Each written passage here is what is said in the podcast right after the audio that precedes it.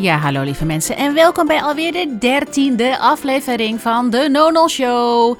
Ik ben super blij, want ik heb echt gewoon in de afgelopen twee maanden alweer bijna... Dit is de tiende aflevering. De tiende aflevering die ik zelf heb opgenomen en geëdit met hele leuke gasten. Ik ben eigenlijk wel heel erg benieuwd ook wat je ervan vindt, want er zijn een aantal trouwe luisteraars inmiddels... En de podcast is inmiddels al bijna 500 keer geluisterd. Nou, dat vind ik echt wel echt super tof. Want het gaat alleen maar meer worden, mensen. Let maar op. Goed, vandaag gaan we het hebben over hoe ga je om met ontevreden klanten. En dan kan ik het standaard verhaaltje houden over ehm, hoe je dat kan. Dat ga ik ook doen. Ik ga een standaard verhaaltje houden. Hoe je dat preventief kan doen. Preventief, hoe je dat kan voorkomen, bedoel ik. En maar ook dat er een gelaagdheid in zit. Want als een klant ontevreden is, dan is dat een opportunity. Dat is een kans. En vooral voor coaches die luisteren, is dat een kans om daar juist bewustzijn te brengen bij de klant. Maar ik vind dat als jij een kennisprofessional bent en je hebt een ontevreden klant, dan is het jouw verantwoordelijkheid om dit aan te gaan, te confronteren, de klant erop aan te spreken en niet de klant. Want de klant kan zijn leiderschap pakken, maar wees daar niet van afhankelijk. Oké, ik ga daar straks wat meer over vertellen. Ten eerste wil ik jullie wat tips geven over wat bij mij heeft gewerkt. Ik praat echt alleen maar over wat bij mij heeft gewerkt in de afgelopen tien jaar en niet zozeer boekenwijsheid en boekenkennis, want uh, ik weet niet of dat echt werkt. Ik heb in de afgelopen tien jaar heb ik echt honderden mensen gecoacht. En dat zeg ik niet omdat ik arrogant doe van... oh ja, ik heb heel veel mensen gecoacht en ik ben uh, daar heel erg goed in. Ik heb gewoon echt heel veel mensen gecoacht omdat tien jaar vrij lang is. En ik denk dat er twee, drie, vier mensen ontevreden waren. En ik had er altijd een bepaalde manier voor om dat aan te gaan. Omdat je klanten en ik had een bepaalde manier om aan te gaan. Ik ga te snel. Ik had een bepaalde manier om dat aan te gaan, omdat ik weet: een ontevreden klant is een ambassadeur minder voor je business. En je klanten zijn je ambassadeurs van jouw werk. Als jouw klant succesvol is en tevreden met jouw werk, dan heeft het dus impact op hun leven, heeft het impact op hun bedrijf. En je wil dat altijd zo houden, want als een klant gelukkig is, een klant tevreden is, dan zal die je altijd doorverwijzen naar andere mensen. Dus jouw klanten, de mate van tevredenheid van jouw klanten is ook de mate van succes van je business. Oké, wat is het allerbelangrijkste? Het allerbelangrijkste is dat de verwachtingen dat die heel helder zijn vanaf het begin. Het kan dus bijvoorbeeld zijn dat als jij een strategie-sessie hebt of je hebt een intake-sessie, dat je klant misschien helemaal niet past in je programma. Dat je klant nog niet klaar is om die transformatie of die verandering door te gaan die die nodig heeft. Dat als eerste. Dus daar moet je eigenlijk al heel eerlijk feedback op teruggeven. Altijd zacht op de relatie, hard op de inhoud. Dus dat is hoorde 1. Hoorde 2 is als een klant ja heeft gezegd op jouw aanbod, dan is het van belang dat je een, in het onboardingsproces, dat is de tijd tussen je intake en je strategie-sessie tot aan het eerste contactmoment, dat het heel helder is opgeschreven wat de klant kan verwachten. En nou werk ik bijvoorbeeld met een structuur het, bijvoorbeeld het aantal sessies staat vast, het aantal coaching sessies. Ehm, dat ze gaan werken met drie andere coaches. Wat ze daarin kunnen verwachten staat vast. Het staat vast welke contactmomenten we hebben. Ik check altijd in op maandag en ik check uit op vrijdag via WhatsApp. Ik ben daar ook heel specifiek in wat ze kunnen verwachten, zodat ze het contact, alle contactmomenten eigenlijk, dat dat helder is. Wat ik vroeger deed, was dat ik dan ook nog de inhoud van hè, de doelstellingen of de coaching topics, die ging ik vaststellen in het document. Dat doe ik niet meer. Dat doe ik nu samen met de klant tijdens een live dag, tijdens een live dag, tijdens een kick-off dag, tijdens de dag dat ik de eerste dag werk ik samen met de klant. Zet ik de intenties, de doelstellingen. We gaan kijken naar wat de uitdagingen zijn, de thema's. En nou dan, dan, stellen we ook de stappen vast. Maar dan gaan we eigenlijk al gewoon de lijn en het kompas uit, uitstippelen van waar we over zes maanden willen zijn. Want dan kan je dat altijd gaan bijsturen. En ik vind dat uiteindelijk ben jij eindverantwoordelijke voor het programma. Samen met de klant weliswaar. Maar ik vind, en daar, daar kunnen we de meningen verschillend over zijn. Maar ik vind dat je 50-50 ben je verantwoordelijk voor de uitkomsten. Want je bent een gelijkwaardige partners. Ik werk samen, ik werk niet voor klanten. Maar ik vind toch dat je 60%, zo niet misschien 70% ben jij in de lead als, persoon, als uh, persoonlijk leiderschap persoon. Nou, wat zeg ik dat weer debiel? Als leider ben jij degene die moet signaleren of er iets klopt of niet klopt. En het is heel mooi als jouw klant volwassen genoeg is um, om dat ook te kunnen signaleren. Maar het is heel vaak kan het gebeuren dat een klant een aanklager wordt. Anyway, terugkomend op dat document. Wees daar helder in, duidelijk. Wat ik dan doe, is dan uh, op die kick-off ga ik toch nog even checken. Heb je dat hele document goed gelezen? Want weet jij waar je de handtekening op hebt gezet? Ik ga toch nog even checken. Ook al is dat misschien een soort van klassejuf en wil je de aandacht er niet op vestigen. Maar dat gaat heel veel shit en gedoe en ruis gaat dat je gewoon wegnemen. Dat gaat je helpen om de rest van het programma of de rest van de samenwerking, om daar eigenlijk heel soepel mee om te gaan. De keren dat ik ontevreden klanten had, ondanks dat ik een onboardingsdocument had gestuurd of een voor, dat voorstel dat dat was getekend, de overeenkomst, dat de coachingovereenkomst was getekend, is in het volgende geval geweest. Ik had ooit in de zomer, dus een aantal jaar geleden, had ik een, een klant en die zei: Ik word, toen deed ik nog loopbaancoaching. Ik word weggebonjourd bij mijn huidige bedrijf en ik wil, dit was in, ergens in de zomer, ik wil straks als ik terugkom van mijn huwelijk, wil ik eigenlijk dat aangaan. Wil ik die loopbaancoaching aangaan? Ik wil weten waar ik van aanga en zodat ik dan verder kan gaan in mijn loopbaan, uh, of nou, in mijn carrière. Dus één, er ging heel veel tijd overheen uh, tussen het intakegesprek en de start. Dat zou ik nu nooit meer doen. Ik zal het persoonlijk nooit meer doen. Of ik moet het gevoel hebben, deze persoon weet echt wel heel erg duidelijk waar die staat en wat hij wil. Want er kan heel veel gebeuren tussen het moment dat iemand ja zegt en over drie maanden gaat iemand misschien beginnen, twee maanden of over een maand. En in dit geval dacht ik, ja, weet je, die persoon die weet zelf wel wat hij wil. Dat is zijn of haar verantwoordelijkheid. Was in dit geval was het een dame, het is haar verantwoordelijkheid. Oké, document opgestuurd, ze had het getekend. Um, toen hadden we de eerste sessie. De sessie ging helemaal prima. Dat was trouwens ook. Ze had dus, had dus, was eerst getrouwd, waren allerlei persoonlijke dingen. Toen was ze weggebonjourd van haar werk. En toen is zij. Toen hadden we de eerste sessie. Dat ging eigenlijk hartstikke soepel. En toen, toen zei ze: Ik heb eigenlijk ietsje meer tijd nodig. Want ik merk dat ik moe ben. En dat er allerlei dingen nu uitkomen. Nu dat ik. Ja, dat ik eigenlijk uh, nu thuis op de bank kom te zitten. Dus er kwamen heel veel meer dingen op de af die zij niet had voorzien.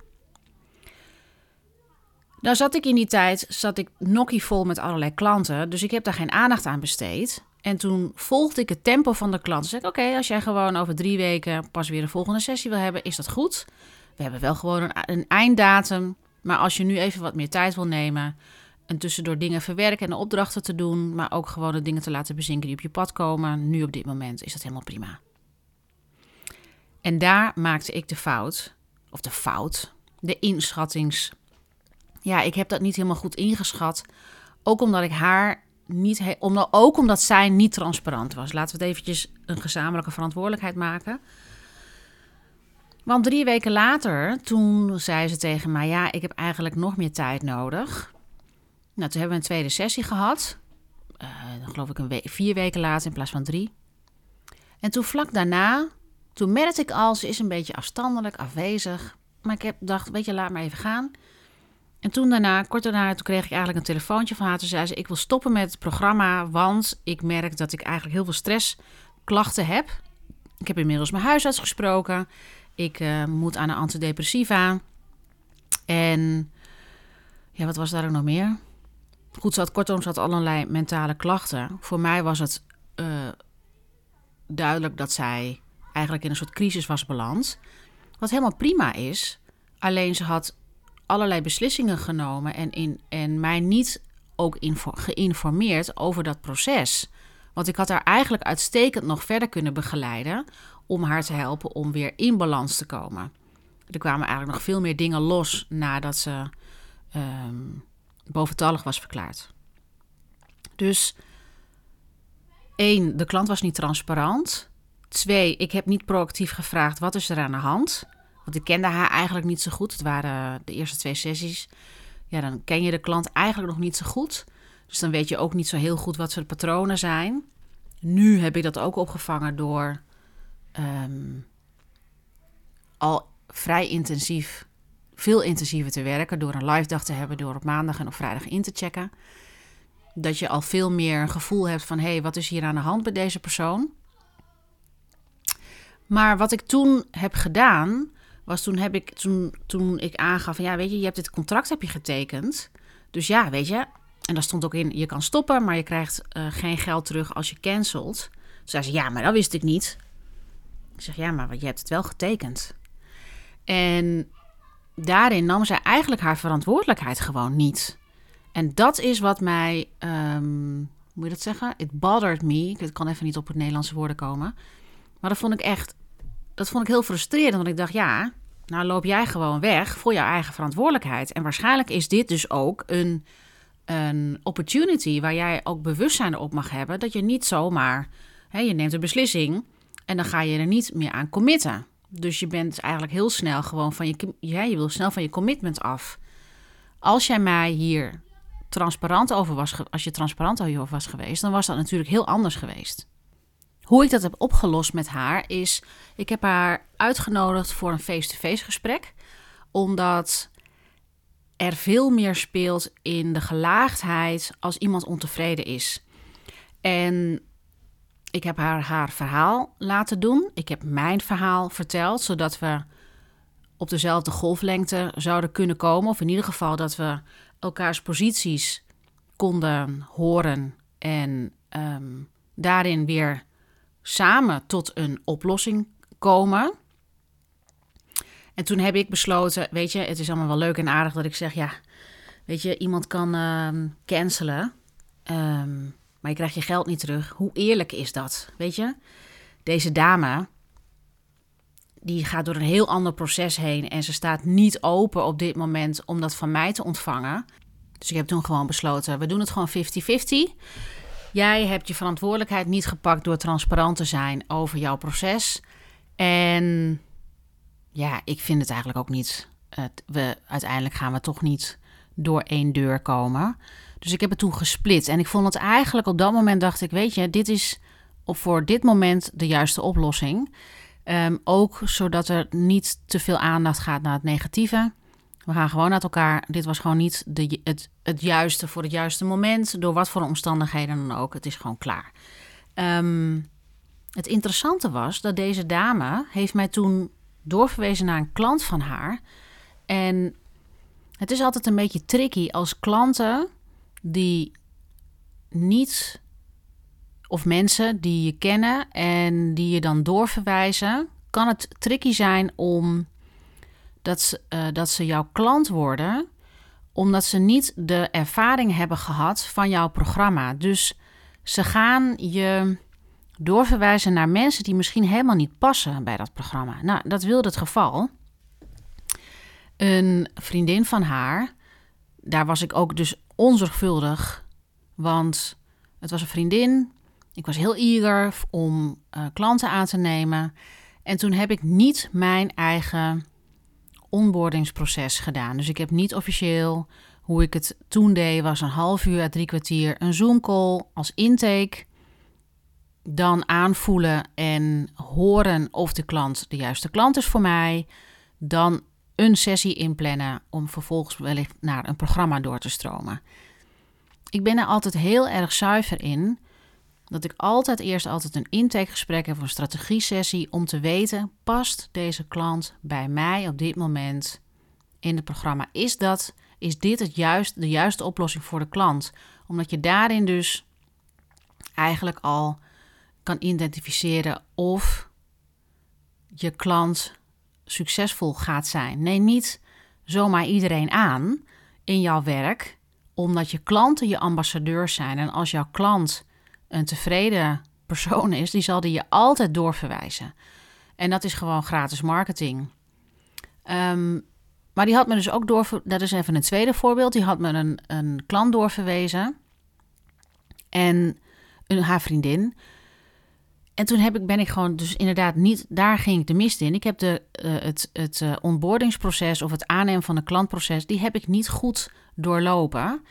En ik schat, ik nam, deed de aanname dat zij wel wist wat coaching inhield en, wat ze, en hoe ik werkte. Nou wil het geval dat soms dan krijg je klanten op je dak, of op je dak, krijg je klanten, dan kom je in aanraking. Ja, en daar ga je dus van leren. Die, die stretch je als coach of als ondernemer. En dit was als coach. Want ik weet nog dat zij uh, binnenkwam. Dat was voor een enkele sessie. En die was zo van, nou oké, we gaan er gewoon voor. En uh, zeg maar wat ik moet doen. En uh, die, was, die was eigenlijk gewoon... Het leek alsof ze er klaar voor was. Maar eigenlijk was ze nog heel erg in haar hoofdbewustzijn. Zoals ik dat noem. Ze zat heel erg in de hoofd. En het had even de tijd nodig om te zakken in het lichaam, om in contact te komen met haar vrouwelijke energie. En dat sloegen we compleet over, omdat ik me super geïntimideerd voelde. Ze kwam in mijn energieveld en ik was eigenlijk helemaal van slag. Dus ik heb, en dat heb je soms wel eens met mensen, dat, dat, dat, dat overkomt me niet vaak, moet ik heel eerlijk zeggen. Maar dit was wel echt een kaliber. En daar had ik haar eigenlijk moeten afremmen en ook moeten zeggen: luister, zo werken we niet. We gaan stukje bij beetje. Neem eerst even de tijd om echt even te zakken in je lijf. En kijk of je hier dus inderdaad de tijd voor kan nemen om echt even te gaan vertragen. Contact te maken met je lichaam. En nou, we waren gewoon geen match. We zaten totaal niet op dezelfde golflengte. Ik denk dat ik haar taal niet sprak en zij sprak mijn taal niet. Dan werd ik ook nog eens een keertje nota bene gebeld. Um, er werd aan de voordeur gebeld. En toen dacht ik echt: oké, alles wat fout kan gaan, gaat fout of fout. Uiteindelijk is het een hele mooie les geweest voor mij. En deze dame pakte totaal alle ruimte die ik gewoon weggaf, omdat ik me geïntimideerd voelde. En ze heeft ook nog eens een keertje gewoon 100 euro minder betaald voor die enkele sessie. Echt bizar. Maar ik dacht: oké, okay, Eve, dit is een lesje persoonlijk leiderschap. En soms gebeurt dat. En wees niet te streng voor jezelf. Neem daarin wat je te nemen hebt als, als leerervaring en that's it. Dat zijn eigenlijk de echte ontevreden gevallen dat ik echt dacht, Jezus Christus. Ehm, ja, hier heb ik echt gewoon een struggle. En over het algemeen moet ik zeggen dat ik veelal de verwachtingen manage, ook tijdens sessies, dat ik uh, mensen vraag: hoe vind je het tot nu toe gaan? Wat heb je nodig? En dat ik ook als ik intuïtief aanvoel, hmm, volgens mij is dit en dit aan de hand, dan, vraag, dan zeg ik altijd: Goh, weet je, jij geeft nu aan dat alles helemaal oké is en dat alles, alles lekker stroomt of alles lekker, hè, dat jouw verwachtingen gemanaged worden, dat je tevreden bent ik merk zelf dit en dit en dit en dit. Klopt dat? of vind je het oké als ik aangeef, want ik voel dit en dit. Dus dan geef ik aan dat misschien een aantal dingen ja, anders kunnen of beter of slechter. In die taal wil ik niet praten, want dat is heel erg het hoofd. Maar wel, waar zou het vervullender kunnen? Of waar, zou we, hè, waar zouden we dieper kunnen gaan? En omdat ik die leiding daarin neem, haal ik heel veel ruis weg, maar ook ontevredenheid. En wat ik eigenlijk in de afgelopen jaren heb geleerd, is dat ik mijn klanten soms tekort heb gedaan dat zij tevreden waren, maar dat ik ontevreden was. Omdat ik vond dat we misschien ja, niet de diepte in zijn gegaan. Maar goed, dat is een ander verhaal. Dus als je, kortom, als je klanten graag ehm, tevreden wil houden, dan is het van belang dat je altijd de verwachtingen managt binnen het proces van het programma dat jij aanbiedt. Nou wil ik ook aangeven, het kan ook zo zijn dat jij als klant aanwezig bent in een programma of in een workshop of in wat dan ook. Dus dan ben je in de rol van de klant en dan heb je ook een verantwoordelijkheid. Want hoe vaak ben jij wellicht in een workshop geweest of in een training of in een, nou ja, je hebt een dienst gekocht of een online programma, whatever. En je was niet tevreden.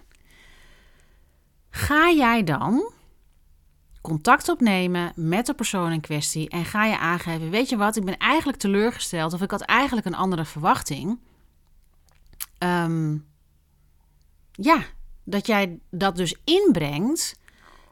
En want daar ga je dus eigenlijk je leiderschap pakken als klant. Want het is niet alleen als professional dat je leiderschap hebt te nemen, maar ook als klant.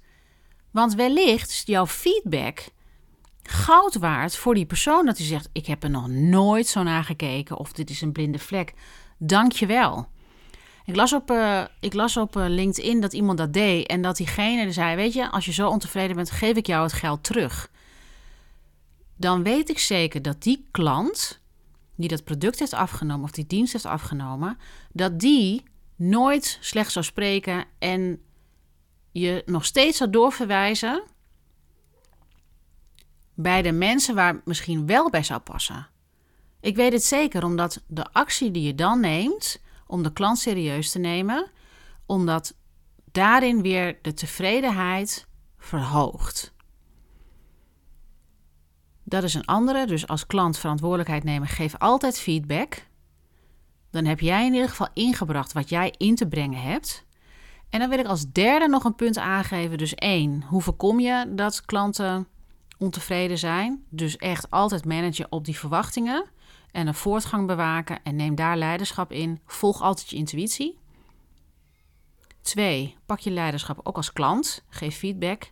En drie, Ontevredenheid kan je zien als een hele mooie kans voor de klant. Dus stel, en dit is vooral voor de coaches die meeluisteren. Als je een klant hebt die aangeeft ontevreden te zijn, dan kan je hem ook pakken als kans. Dan kan je aangeven: Weet je wat? Gebeurt dit vaker in je leven? Dus wees niet kinderachtig en zeggen: Oké, weet je, ik neem, stel iemand die zegt: Even, ik ben ontevreden over je programma. Dan ga ik die klant altijd aanhoren. Dan ga ik altijd de feedback eh, op me nemen. Dan ga ik zorgen dat die klant zich gezien en gehoord voelt. En dan ga ik een praktische oplossing vinden. Dat is één. Twee, als dat gesetteld is, dan zeg ik: is dit een vaker voorkomende uitdaging voor je? Merk je dat je dit vaker ervaart? En vaak is het zo dat mensen dan aangeven: ja, dat klopt eigenlijk wel. En ik heb het onlangs namelijk zelf gehad als klant dat ik een workshop, dat ik deelnam aan een workshop. Ik vond die workshop op zich, het is niet zo dat ik die workshops op zich niks vond, maar ik raakte meteen getriggerd in ego-pijnstukken, om het maar even zo te noemen, die, ja, het was gewoon, het was gewoon fucking pijnlijk. En ik heb toen geleerd. Ik heb het, ten eerste heb ik, wilde ik afhaken. Dus ik heb ehm, de persoon in kwestie, die heb ik de feedback gegeven. En wat ik zo enorm kon waarderen, was dat het compleet ontvangen werd in alle verbinding. Later werd er nog gevraagd: kan je feedback geven? En zou je een review willen schrijven? Toen heb ik aangegeven: ik kan je wel feedback geven. Dit is wat ik zou doen. En ik kan je ik ga geen review schrijven, omdat de workshop aan zich vond ik niet oké. Ondanks dat ik weet, alles wat je ervaart is een liefdevolle uitnodiging voor bewustzijn en voor inzicht om te groeien. Dus ontevredenheid is een liefdevolle uitnodiging om je bewuster te zijn en aanwezig te zijn in dat wat getriggerd wordt op een diepere laag in jezelf. En ik weet nog de volgende dag, want we waren over en weer aan spraakberichten aan het doen. De volgende dag hoorde ik. Maar er waren maar drie mensen die ontevreden waren. En dat wellicht heeft dat te maken met in de mate waarin je kan ontvangen. Ehm, en wellicht kon je niet ontvangen. Dus ik voelde dat het aan mij werd teruggekaatst. En toen dacht ik, weet je, wat is het nou toch dat je daar telkens op getriggerd wordt? En wat het voor mij heeft gedaan, is dat ik dacht: ik ga hier op onderzoek doen. In plaats van dat ik het ga projecteren op de persoon die die workshop heeft gegeven. Ja, weet je, jij bent telkens maar het naar mij toe aan het schuiven. Laten we hier samen voor verantwoordelijk zijn. Dat ik helemaal own, dat ik getriggerd raak in een diepere gevoel van teleurstelling, wat sowieso in mij huist. En dat jij aangeeft, ja, ik raak hier ook van getriggerd. Want ik heb ook het gevoel dat ik het niet goed genoeg doe toen op dat moment in die hele middag, toen heb ik, ben ik me bewust geweest, of heb ik eigenlijk gewoon zelf, zelfonderzoek gedaan van wat gebeurt er nou in mij? Wat wordt er van mij eigenlijk gevraagd? Hè, als ik zeg ik vind dit niks, dan ben ik eigenlijk uit contact. Ik ben eigenlijk niet aanwezig. Dus wat wordt er van mij gevraagd? Van mij wordt gevraagd dat als ik merk dat ik ontevreden ben, want dat ontevredenheidsgevoel dat ken ik, dat ik het op dat moment inbreng, no matter what. Ik zou moeten opletten op hoe ik het deliver, dus hoe ik het de boodschap doorgeef, dat het niet is van nou, ik vind het helemaal niks hier. Nee. Als ik ontevreden ben, of op dat moment ervaar ontevredenheid of ik ervaar weerstand, dat ik dan moet zeggen: Weet je mensen, op dit moment kan ik niet het riedeltje doen wat jullie me vragen. Ik kan alleen aangeven wat ik nu ervaar. En dat is dit, dit en dit. En dat ervaar ik nu op dit moment. En ik weet niet waar het aan ligt en het maakt ook niet uit. Dit is wat ik nu op dit moment ervaar. Want dan breng je jezelf in en dan sta je niet aan de zijlijn. En dat is wat ik heb geleerd: dat als ik me ontevreden voel of gefrustreerd voel, dat op dat moment kan ik het natuurlijk niet meer gaan ontvangen. Want ik zet mezelf eigenlijk uh, buitenschot of ik zet mezelf, hoe zeg je dat? Ik zet mezelf eigenlijk aan de zijlijn en begin gewoon te kijken naar andere mensen, maar ik ben niet in het proces meer. Ik sta aan de zijkant een beetje ontevreden te zijn en ik breng het niet in. En dat is eigenlijk heel oneerlijk. Je wordt, ik word onecht, want ik deel mijn eigen kwetsbaarheid niet. En wat er dan bij mij gebeurt, is dan ga ik uit verbinding. En ik denk dat dit heel veel mensen herkennen. Dat als we merken, hmm, ik weet het niet zo goed, ik voel me hier niet zo senang bij. En daarom is het zo belangrijk dat als coach of als branddesigner, of nou, dat is wat me in hem opkomt, of trainer, of nou ja, wat je ook doet in je werk, als je met mensen werkt, als je merkt dat iemand ontevreden is of een beetje afstandelijk doet, vraag altijd wat er aan de hand is. Vraag kan jij met me delen wat je op dit moment ervaart? Ik wil heel graag weten wat je op dit moment ervaart.